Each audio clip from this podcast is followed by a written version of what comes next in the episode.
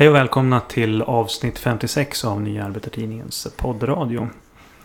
David Kasa heter jag. Med mig har jag Jan Hägglund. Ja, hej. Tjena, tjena. Eh, vi eh, ska vi köra lite mer USA den här gången. I det här Ja, avsnittet. ja, fast det gör ju inte bensinen billigare för att ta sig hit. Nej, nej, men nu är det ju snö ute här. Så det är bara att snö på dig skidorna. Så Ja, ja, visst alltså. Det är en, inga Stockholm, problem. det är en stockholmares syn på kolonin Norrland. Exakt. Ni, Ja. ni tror väl att vi har isbjörnar här också? Ja, precis. Ja, nej men vi ska, vi ska prata om eh, USA. Vi har ju haft två avsnitt nu där vi har diskuterat eh, presidentvalet, eh, Trump, Trumpismen och så vidare. Men eh, den här veckan så, så vi, vi tog upp lite grann förra veckan om, om att du har varit ute och rest mycket i USA och träffat väldigt, alltså egentligen helt häpnadsväckande intressanta människor. Mm. Jag vet nog ingen som har träffat så mycket historiskt viktiga personer i USA.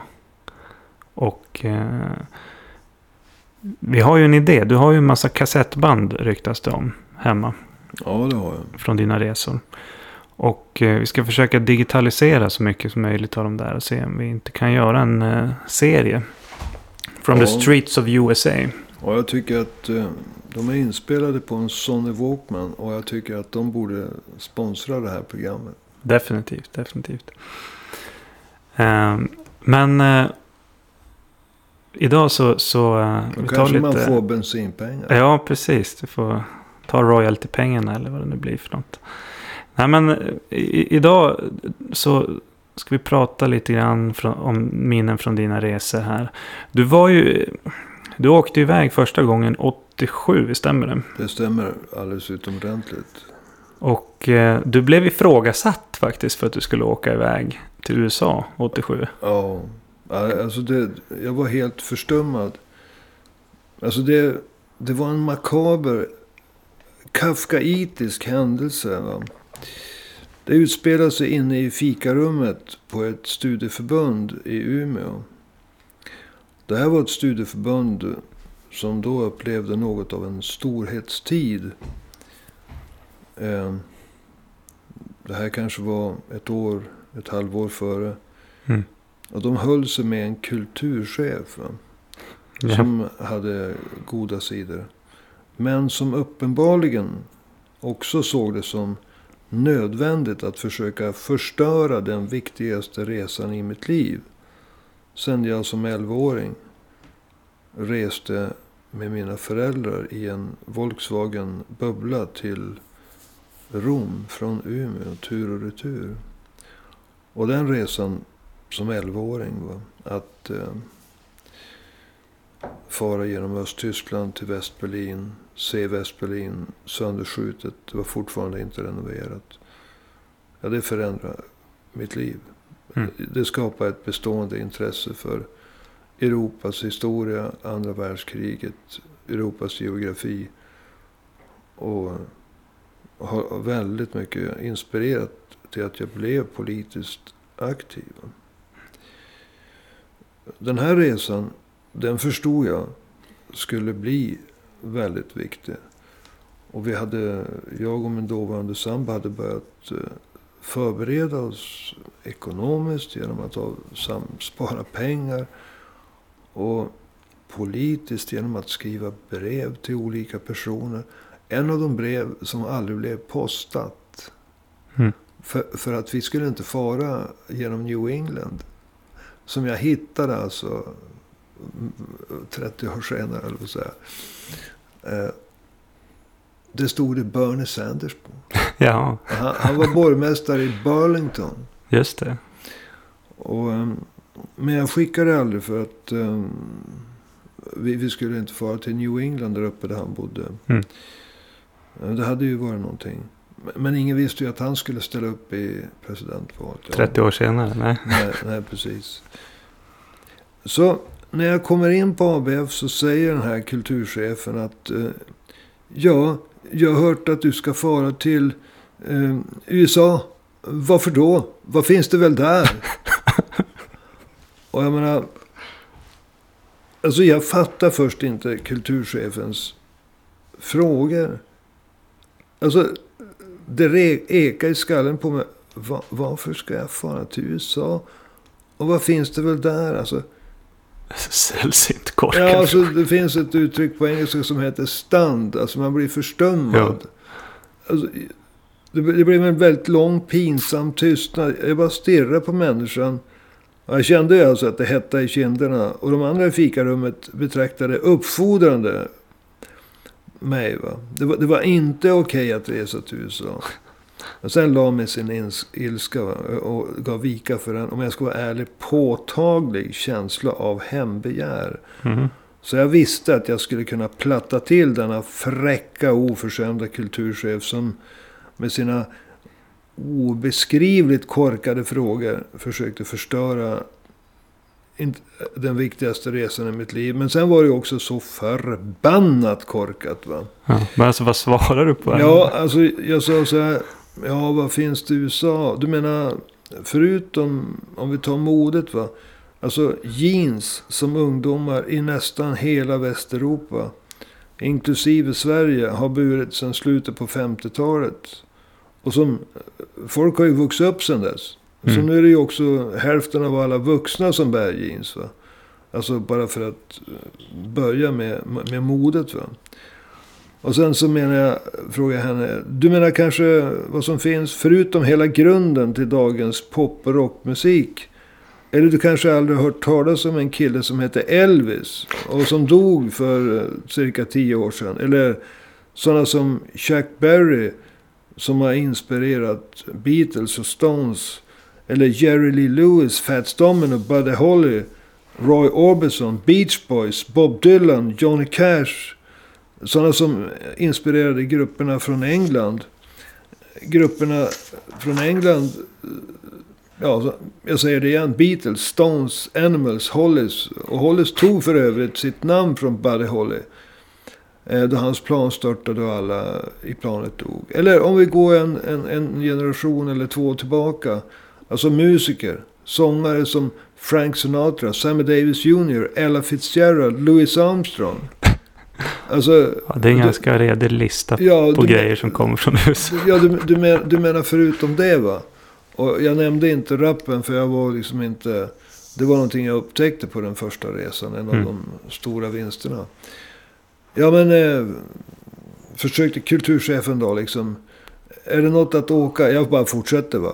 Du menar förutom den musikkultur som alltså inspirerade till det svenska popundret med killar som Jerry Williams, Björn Skifs eller 60-talsband som Hepstars från Stockholm, Shanes från Luleå, Tages och, från, från, från Göteborg. Och sen har vi de största, ABBA, Europe, Roxette. Ja, ja, men, ja, men, ja, men det, det är ju inte bara musik. Nej, nej, vi har ju filmer också.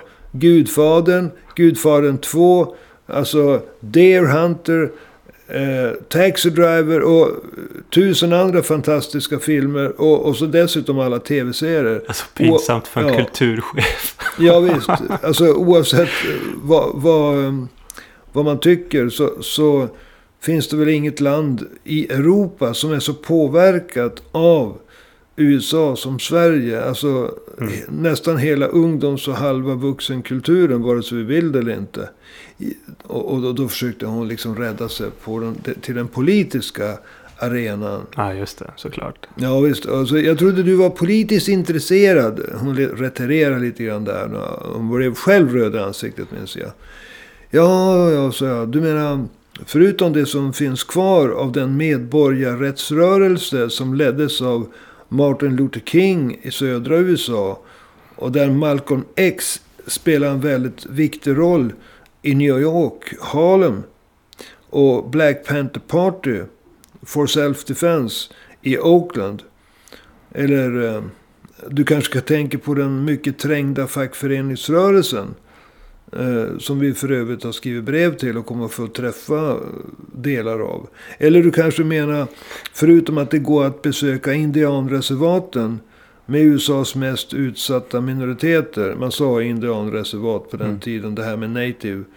Eh, Americans var inte... Ja, indianerna kallar det ju fortfarande för indianreservat. Ja, än idag. Eh, vi har tänkt besöka dem också. Eh, Jag hade kommit upp i, i varv. Alltså jag blev mer och mer förbannad, ska du veta. För varje ord jag själv hörde. Det är ofta så med mig. När jag hör mig själv prata. Då, då, då, då slås jag av att... Jag blir förbannad av vad jag själv säger. Alltså mycket mer än vad jag trodde. Så de övriga på studieförbundet satt kvar liksom. Och, och som tittade och liksom så här. Det var som en pingpongmatch. Hon, ja, hon, ja va. De satt kvar efter eftermiddagsfikat för jag råkade trampa in då. Mm. Och, och lyssnade på den ganska ojämna debatten. För jag bara öste på. Du vet, sa jag till henne, eh, det här kommer jag ihåg väldigt bra. Den amerikanska befolkningen består inte endast av en president och en utrikespolitik som vi är många som ogillar sedan Vietnamkriget. Utan USA har en befolkning på nästan 250 miljoner människor. Och landet har påverkat kulturen och politiken i det svenska samhället. Speciellt kulturen, kanske mer än i de flesta länder i Europa. Och för övrigt, då kom jag på naturen för vi skulle fara till, till, till alltså, vi, vi ville gå ner, alltså till Grand Canyon. Så, Mm. så, så sa jag att det finns några av de mäktigaste nationalparkerna i världen som Grand Canyon och Yellowstone. Och när det gäller kultur, jag hade läst på lite grann här va, för vi, det är ett stort land man måste välja. Ja. Så finns det mer kultur i New York än i hela Sverige. Och det finns mm, alltså mer människor i New York City Ja. än i hela Sverige. Och det borde du som kulturchef på det här studieförbundet känna till. Men, men varför blir du så arg? Så, så jag blir förbannad därför att dina frågor till mig om varför jag ska åka till USA påminner om... Alltså ni som har kommit ihåg liksom, filmen Life of Brian. Då, då skäller den, den judiska Ja, motståndsrörelsen. What have the Romans given us? Except. Och så, och så räknar de upp. Akvedukter, Ja, vägar. Ja, sanitetsanläggningarna. Precis. Lagar. Ja, vägar. Alltså, liksom, det, det, det var som så här att... Alltså frågan... Varför åker man till USA?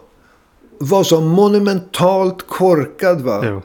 Och sen så, sen så vill jag inte heller att någon skulle få förstöra min känsla för, för den här. För att, alltså du ska veta, det här ska man ju inte säga va. Det här är ju en känslig fråga för mig, jag tycker inte om det. Men innan planet skulle avgå från Arlanda så, jag tror jag sprang, jag hade, jag, jag visste inte vad begrepp, jag har rest mycket med backpack alltså Mm. i Europa. Under den tiden på 70-talet va. Och... ehm, jag, jag visste inte vad begreppet resfeber var. Men jag var tvungen att uppsöka toaletten tio gånger alltså innan planet gick. Resfeber. För, för, alltså, jag hade feber. Jag hade resfeber och min dåvarande sambo hade väldigt roligt åt mig faktiskt. Va? Mm. Ja, det hade hon. Vi skulle kunna ha roligt åt dig nu också. Men vi, vi går vidare. Ja, vi går vidare. Det tycker jag. Och så, och så när vi... När vi då satt på planet. För på den tiden måste man ha visa. Så man måste skicka in sina pass Ja, för, till den amerikanska ambassaden. Va? Och de har varit socialist. Demokratisk socialist visserligen. Va? Men man vet ju aldrig hur de bedömer det hela på den amerikanska ambassaden. Så att jag for och hämtade ut de där passen. Och hjärtat dunkade ungefär som när man fick betyget när man gick ut nian. Va? Alltså, skulle man få släppas in i USA eller fanns det någon konstig rapport liksom om att man var en samhällsfara? Det är ju rätt mycket sådana security controls också när man går in. Alltså både på amerikanska ambassaden men när man ska åka till USA. Var det så redan 87? Ja, alltså, De hade speciella kontroller. alltså, utlänningar kom ju... Men, men alltså vi hade ju... Alltså, det var ju inga problem. Vi hade ju visat. Det var, det Mm. var när man öppnade posten från amerikanska... The America, American Embassy. Det var, det var då liksom jag... Alltså hjärtat dunkade vilt och så ser jag det är liksom bara stora stämplar. Snygga stämplar. Eh, som, sådana som man fick förr i tiden va? när man Ja. reste i Europa. Jag har passen kvar. Så, och, så jag for till min dåvarande sambo som jobbar på Scan. Va? Eller slakteriet. Slakten var borta. Va? Men, Jag for dit och gick bara rakt in liksom bland allt blod och sånt. och, och så viftade med passen. Alltså, vi, vi, det var som att man sa We passed, we passed. Det var som att man Ja. fått examen. Och, och, och liksom den enorma glädjen då. Försökte hon också sabba. Så jag blev så Ja, förbannad. Förstår. Men det är också på grund av att det var så ofattbart korkat. Alltså Ja, USA ja, är ja. mer... Alltså vissa, de, de stannade i... Alltså vi, jag tillhörde inte... Jag var 15 år 68. Jag, jag tillhör inte 68 års generation. Mm. Som var politiskt medveten. Men mina föräldrar diskuterade ju Vietnamkriget. Mm. Och jag fattar ju efter ett tag att jag menar, man är ju uppvuxen med amerikanska filmer. Man är uppvuxen med att USA räddade oss i första världskriget, andra världskriget. Och no doubt. USA spelar en helt avgörande roll i att besegra, vad heter det, nazismen. Alltså Nazitysklands krigsmaskin under andra världskriget. Men alltså, man var ju mer eller mindre hjärntvättad att Americans, det var the good guys. Men Mm. i Vietnamkriget ändrade ju på allting det. Så många var ju, var ju så att säga väldigt kritiskt mot USA på grund av Vietnamkriget. Men USA är ju så mycket mer historiskt, geografiskt. Det handlar alltså inte bara om Vita huset och en dålig utrikespolitik. USA är så oändligt mycket mer. Och jag räknade upp i början liksom alla influenser och allting. Jag menar den kultur vi lever i, den kultur jag vuxit upp med skulle inte se ut på något annat sätt. Och jag menar, var till exempel en Bob Dylan. Alltså jag, jag älskade Bob Dylan. Och jag Mm. gör det fortfarande. Ja. Så bara, bara, bara ett namn va. The times are changing. En person som fick tillfället att skriva en, en sång som sammanfattade en hel generation, ett helt årtionde. Ja. Den stämning som fanns under 60-talet sammanfattade han i en låt. Alltså, Bob Dylan i sig själv var ett skäl att, att eh, besöka USA. Men det fanns ju så oändligt mycket mer. ja, absolut. Så, så, så där började så att säga striden. Va? Ja. Men eh, om vi förflyttar oss till USA. Eh, du har ju som sagt du har träffat väldigt mycket intressanta människor. Du, eh, eh, Malcolm X han, han eh, vart ju mördad 1965 och Martin Luther King vart mördad 68. Må- Eh, men vad heter det nu? Du eh, var ju i kontakt med både Malcolm X och Martin Luther Kings änkor. Och du fick träffa Malcolm X änka. Visst är det så? Ja.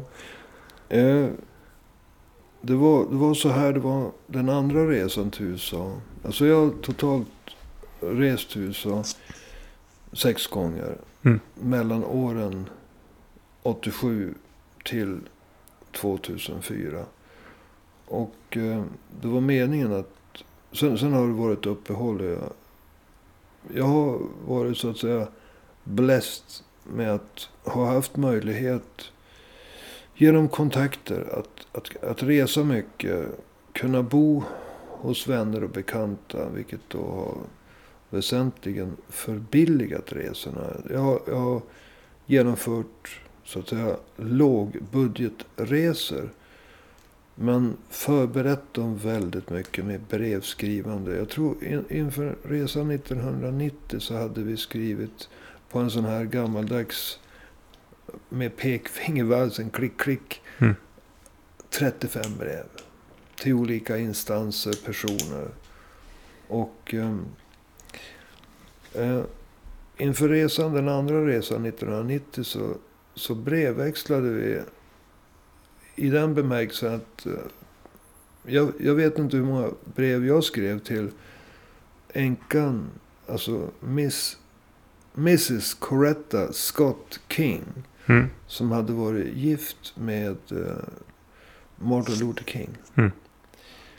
Som ju då var den, den eh, person som förknippas med den amerikanska medborgarrättsrörelsen som slogs för de svartas rättigheter. Och eh, de två breven som jag har fått från henne. De, de är ju bland de käraste ägodelar jag överhuvudtaget har. Ja, det finns en lite rolig historia där va? Ja, det, det gör det. det. Det var så att, att hon... hon ehm, ja, det, det saken hör alltså att vi hade vänt oss till LO och, och skrivit. Jag hade ett fackligt uppdrag. Eh, inte just då jag hade haft det tidigare. Men min dåvarande sambo. Hon var huvudskyddsombud på sin fabrik. Mm. Eh, och, och det där, med, med det som grund så skrev vi till LO och berättade att vi samlar material för att skriva en bok om den amerikanska pressade arbetarrörelsen i USA. Och till vår stora glädje så fick vi alltså ett intyg som sa att we are working on the Swedish equivalent to AFL-CIO. Mm. Alltså vi arbetar för, den, för, för svenska LO. Mm. Och det brevet, det fick vi utifrån våra fackliga meriter. Mm. Där hennes var betydligt större än mina. Mm. Och när vi då skickade det brevet som var helt autentiskt. Som vi fick av LO. Som verkade, de som tog emot vår ansökan, att få liksom någon sorts credentials. Va? Eh, det öppnade alla dörrar. Speciellt då i, i kretsar som naturligtvis facket och eh, men även alltså hos eh, de som jobbade i medborgarrättsrörelsen. Och Miss Coretta Scott King, änkan efter Martin Luther King, hon, hon eh, skrev alltså att hon gärna skulle träffa oss. Det var bara det att just den månaden som vi kom. Vi var där två månader men liksom vi förflyttades ju över Mm. kontinent, kontinenten. Va? Jag kan nämna att jag körde 11 000 svenska mil den resan. Du måste berätta den roliga historien här. Ja, We're dying to hear. Okej, okej. Då, då, då säger hon så här i ett brev då. Att eh, eh, ni, ni kanske har hört talas om en kille från, från Sydafrika. Han har suttit i fängelse väldigt många år för sin politiska övertygelse. Han har, han har bekämpat rasismen, apartheid. Och den amerikanska presidenten har bett mig liksom till ingå i den kommitté som ska ta emot den här killen från Sydafrika. För att det är möjligt att han nu går direkt från att ha suttit i fängelse i ja, 25 år till att bli president i Sydafrika. Och eh, om ni har hört talas om honom, det vet jag inte, men han heter Nelson Mandela. Så att hon hade lite fullt upp den månaden. vi tittade på det och så skrattade vi och sa, det är okej okay att hon eh, prioriterar Nelson Mandela före oss. Mm. Och, och, och, det här har jag alltså ett brev. Och sen så på grund av då att vi hade fått det här intyget att vi... Ja, alltså LO tyckte tydligen att det var väldigt bra idé det här med att, att göra en bok. Så att eh, fortsätt. Jag hoppas att ni kan fortsätta ert viktiga arbete för de amerikanska arbetarna. Avsluta hon brevet. Mm. Och ja, man blir tårögd när man tänker att man, man har haft den här brevkonversationen och att man har de här bevisen på ja, den här kontakten med, mm. med henne. Och om vi hade liksom den resan så började vi i Los Angeles och jobbade oss över zigzag. Det var därför det blev så många mil. Den amerikanska kontinenten mot New York. Va? Mm. Den första resan 87 då började vi i New York och, och jobba oss. Alltså först körde vi, åkte vi Greyhound till San Francisco. Sen tog vi en bil där och körde tillbaka till New York. Så, ja. Faktum är att Alltså från kust till kust så har jag farit över USA fem gånger. Och Mm. från nord till syd eller ny, syd till nord tre gånger. Mm. Så att jag har sett en hel del av USA. Och jag träffar folk som har varit inblandad i medborgarrättsrörelsen. Fackliga strider. Och även en och annan lokal politiker. Bland annat i Mississippi. Mm. Eh, under hela tiden. Så det har varit liksom en sorts... Alltså vi har varit turister. Men vi har träffat väldigt intressanta människor. Det är inte så att vi har skippat Frihetsgudinnan. Eller de dåvarande World Trade Center. Eller Mm. Empire State Building. Vi har gjort de sakerna också. Mm. Men vi har passat på att träffa just de människor som vi ansåg var väldigt intressanta. Har du något, alltså vi har ju begränsad tid för podden. eh, Men, men finns det någonting som du tycker är särskilt? Alltså sånt person som du har träffat. Som du har minne av. Som du skulle vilja Ja, berätta om. Jag- jag- Jag vet att det finns ju hur mycket som helst. Men om du har en specifik. ja, alltså jag har faktiskt träffat Dr. Betty Shabazz. Som dog under tragiska omständigheter. Och Dr. Betty Shabazz, hon var gift med Malcolm X. Mm. Som blev mördad då i eh, början på 1965. Och eh, vi, vi hade åkt färjan från alltså den nedre delen av Manhattan. Då går en fär, färja till den femte. eh, New York City är uppdelad i fem boroughs. Mm. Stora delar. Vi har Queens, vi har Brooklyn, vi har Manhattan, vi har eh, Staten Island och The Bronx. Och vi hade tagit färjan över till Staten Island. Det är ett billigt nöje, det är gratis. Mm. Och på Staten Island så kom jag på, ah, tusan, vi, vi, vi chansar. Jag visste att Dr. Betty Shabazz jobbade på ett ställe som heter Medgar Evers College i Brooklyn. Mm. Och jag bad telefonisten att väx, koppla mig dit. Och, och det svarade en kvinna som heter Dr. Betty Shabazz. Och jag berättade att jag och min dåvarande sambo, vi, vi kom från Sverige. Och vi var väldigt intresserade av den amerikanska historien.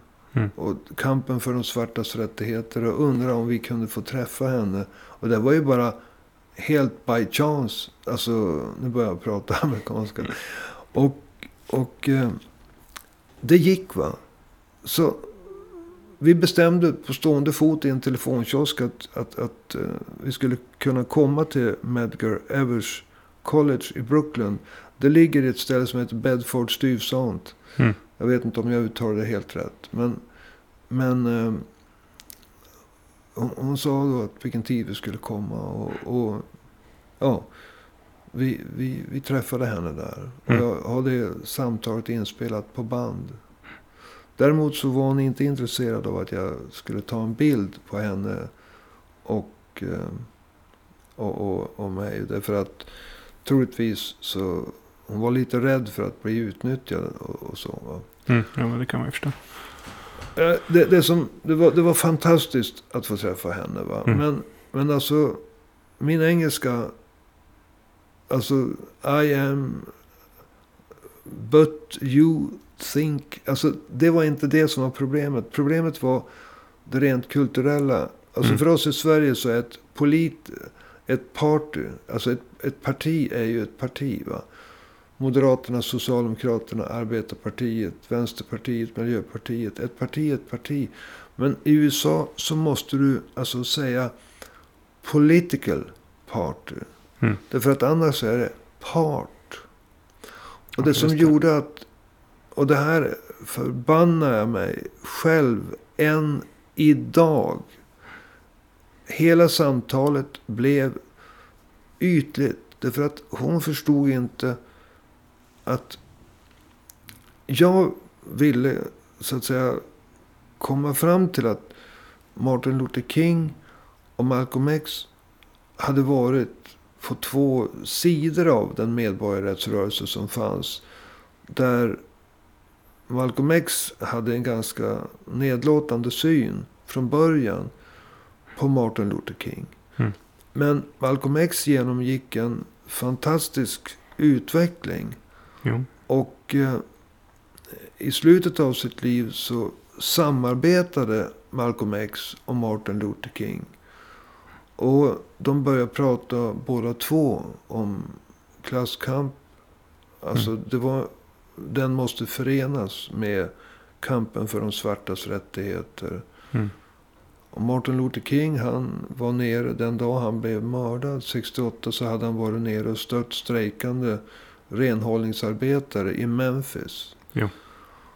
Och eh, De har ju sådana fantastiska väggmålningar från det. Precis i närheten där eh, han blev mördad. Det är The Lorraine Motel. ja, just Memphis. det. De har gigantiska väggmålningar från den strejken. Ja. Så jag, jag försökte... Jag har inte sett dem, men, men det förvånar mig inte. Nej. För att, Jag tror att det är rätt nytt. Det är ingenting som har funnits nej. förr. Och liksom, hon, hon trodde att jag pratade om en, en, en part, kanske en, en välgörenhetsorganisation. Va? Mm. Och det var först när, vi, när hon följde mig. Walk, hon hade 30 minuter och jag har de 30 minuterna inspelade. Men I walk you out. Det var först då som hon förstod att jag hade menat politiskt parti. Mm. Och liksom hintade med mina frågor om, tänk om, om Martin Luther King och Malcolm X hade brutit sig loss från, från eh, Ja, alltså Malcolm X var ju aldrig involverad med Demokraterna så vitt jag vet. Det var däremot den svarta medborgarrättsrörelsen i södern var väldigt involverade med Demokraterna. Mm. Och att jag ville bara få henne att kommentera. Tänk om de hade brutit sig loss ur det amerikanska tvåpartisystemet och, och startat något eget. För att de, de hade fått med sig, alltså de svarta, de hade fått med sig de vita Ja. ungdomarna. De har fått med sig alla som protesterar mot Vietnamkriget. Och sen den här satsningen som då Malcolm X död. Men Martin Luther King vände sig till de allt mer militanta fackföreningarna. Alltså att han så att säga blev en central figur för egentligen alla oppositionella rörelser i USA. Mm. Och att, att eh, det hade kunnat öppna en helt ny väg för USA.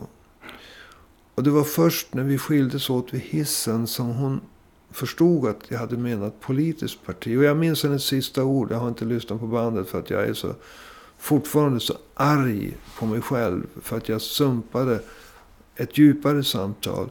Well, there is a heritage. Mm.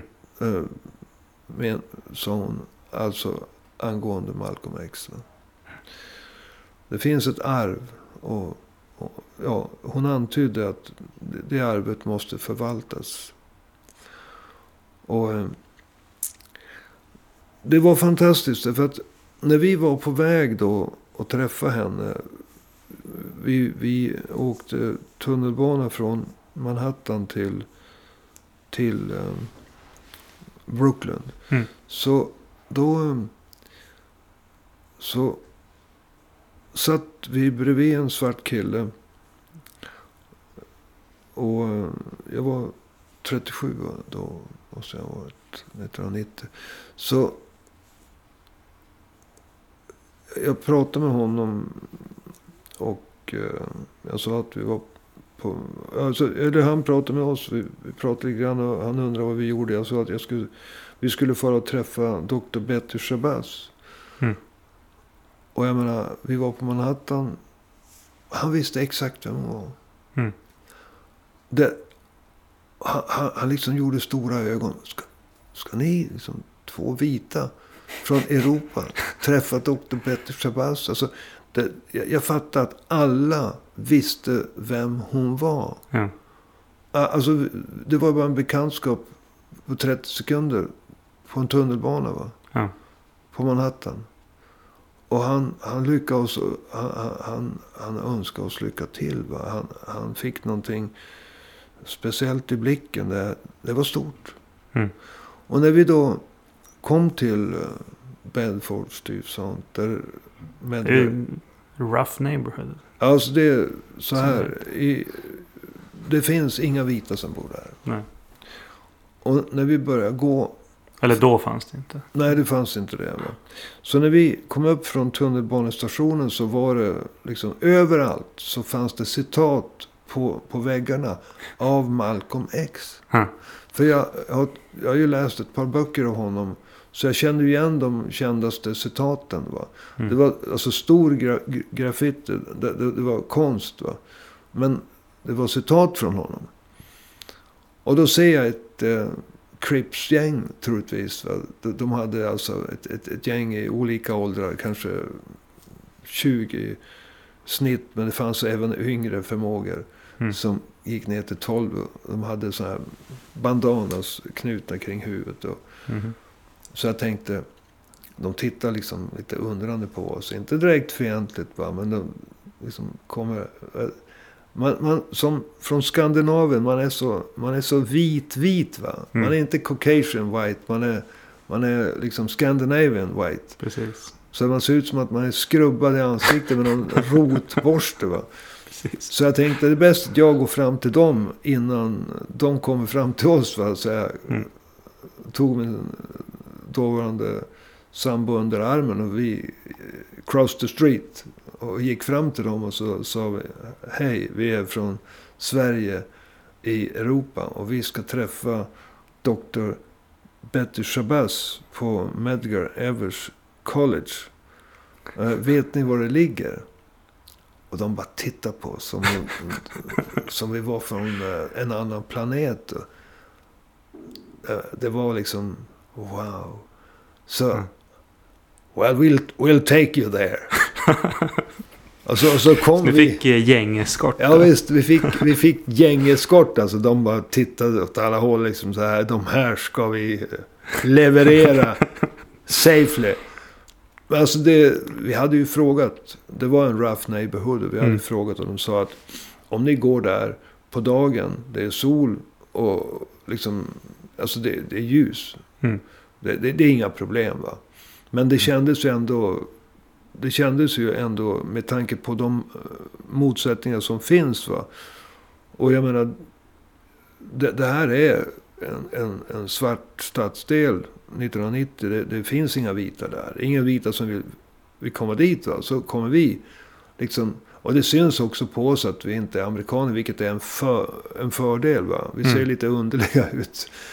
Eh, klädseln är inte typisk amerikansk. Mm. Men alltså vi hade gängeskort dit. Men vi kunde, vi kunde inte bli mer safe. Och jag tänkte liksom så här. Det var som att när man uttalade hennes namn. Va? Det var som en, en, en eh, free ticket. Alltså att fara till, till Brooklyn. Bedford Stuyvesant. Mm. Och träffa Dr. Betty Shabazz på Medgar Evers College. Det var som... Det var stort. Det är även Mm. för det här gänget. Att, att eh, liksom de pratade med man, man, man såg att de mumlade mellan varandra. Och så här. Det var uppskattande. Liksom. Här kommer de från Europa. Och det var som en bekräftelse på att Malcolm X lever vidare. Mm. Och jag, jag tror att jag, antingen för dem va, eller, eller eh, det var, det var någon, någon annan. Ja, det var, det var i Los Angeles. Ja. Eh, Jag träffade de som jobbar med gängfreden mellan Crips och Bloods. Ja. Då berättade jag en historia om hur, vilket intryck som det hade gjort.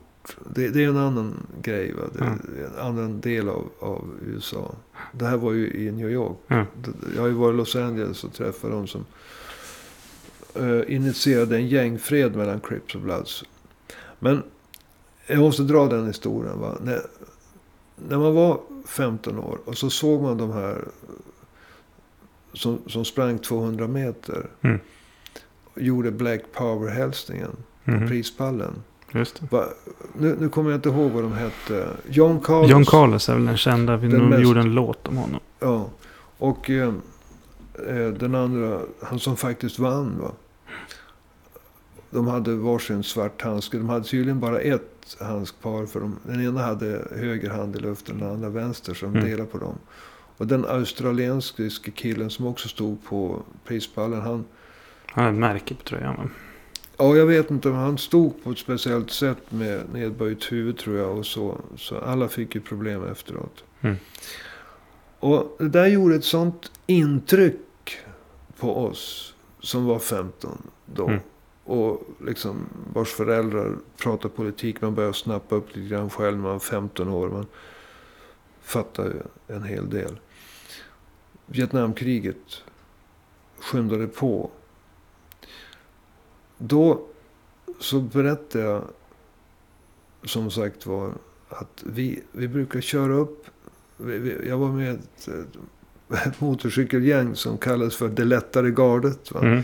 Och det var för att vi hade lättviktsmotorcyklar. Va? Det, är Mm. lite dubbeltydigt namn det där. Och när vi såg en Merca då. Vi körde alltså på vår, våran fil, va? alla tre bredd. Och när vi såg Mm. en Merca som, det, det var liksom storfräsarna. Ja. Liksom, motståndare. Då gjorde vi alla, då släppte vi styret. Va? Och så gjorde vi alla Black Power-hälsningar. och, och jag kommer ihåg en vit Merca vi mötte.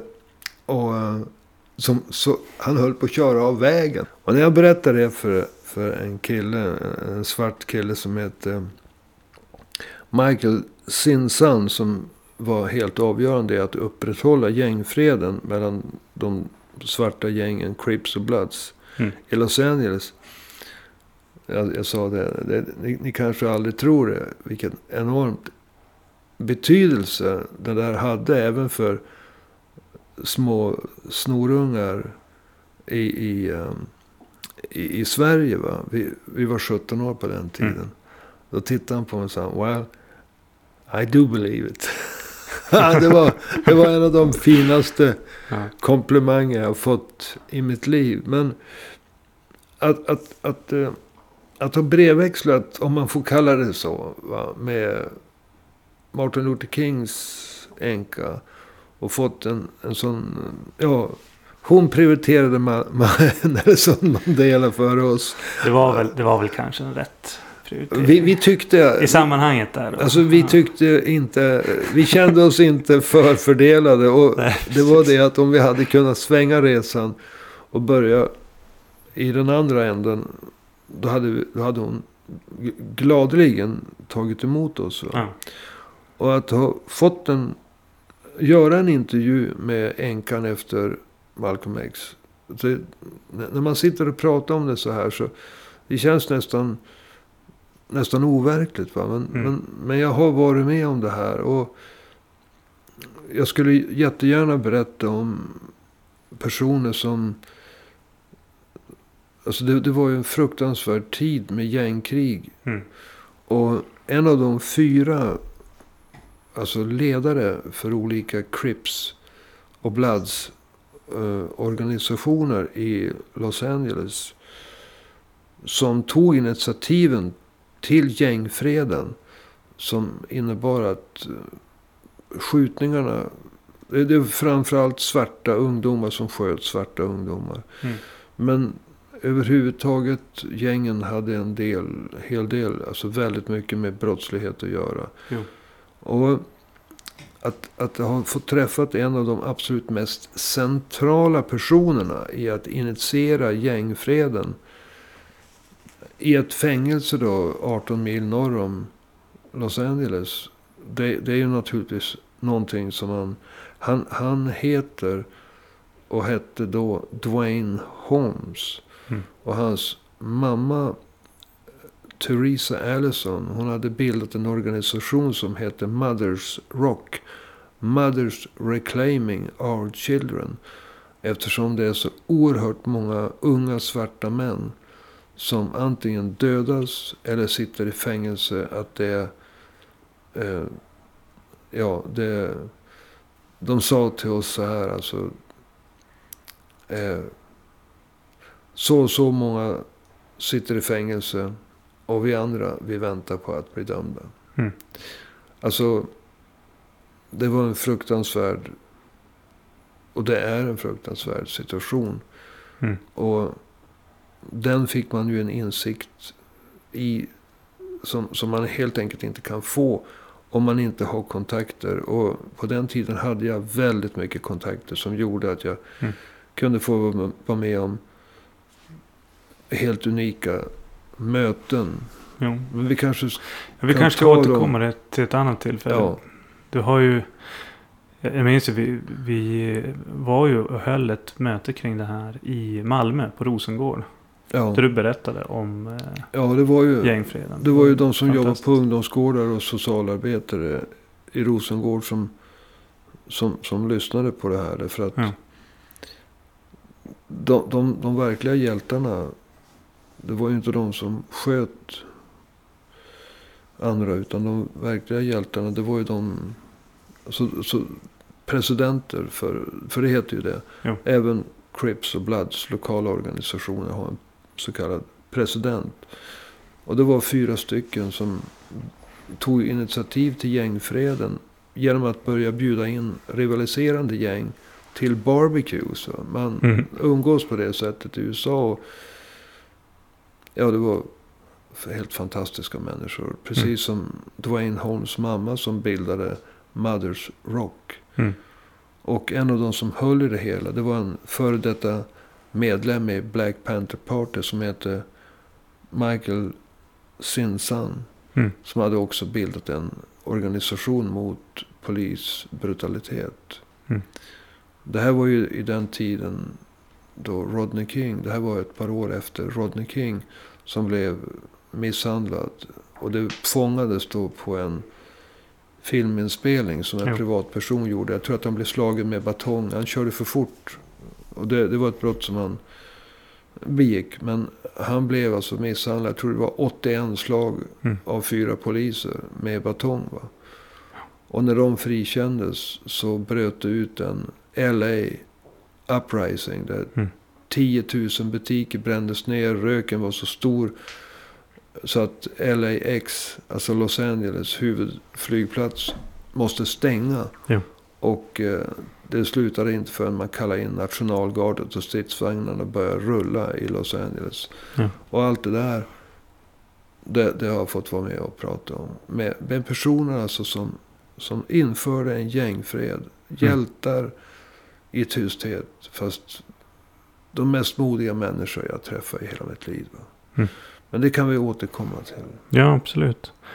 Och eh, som sagt, vi ska ju också försöka digitalisera en del av dina kassettband. Ja, För en speciell serie här om USA.